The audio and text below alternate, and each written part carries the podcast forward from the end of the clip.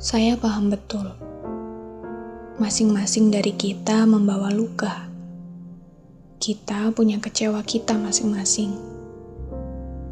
Bahkan masa lalu yang menjadi trauma hingga meredupkan cahaya kita di perjalanan ini.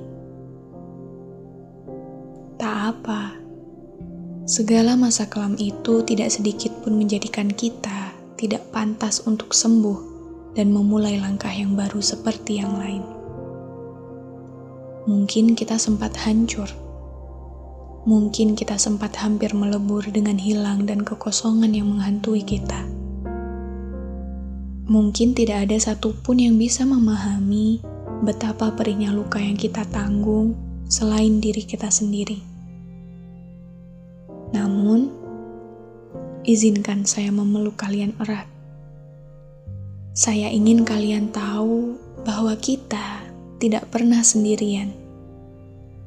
Kita selalu punya diri kita sendiri untuk berjuang bersama-sama melewati naik turunnya kehidupan ini. Tak apa, mungkin sesekali kita akan merasa hidup ini begitu hening.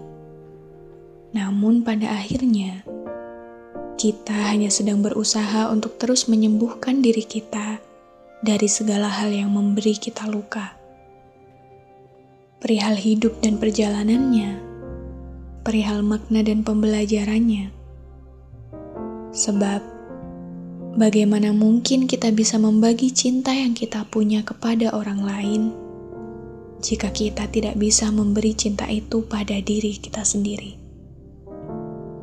Kita hanya sedang belajar untuk sembuh dari apa-apa yang melukai kita, dari apa-apa yang mengecewakan kita dan dari apa-apa yang berada di luar kendali kita sebagai manusia biasa. Kita hanya sedang belajar untuk sembuh dan mengumpulkan lagi kepingan-kepingan diri kita yang sempat tidak kita pedulikan kemarin, untuk kemudian kembali berjalan lagi dan melangkah seperti biasanya.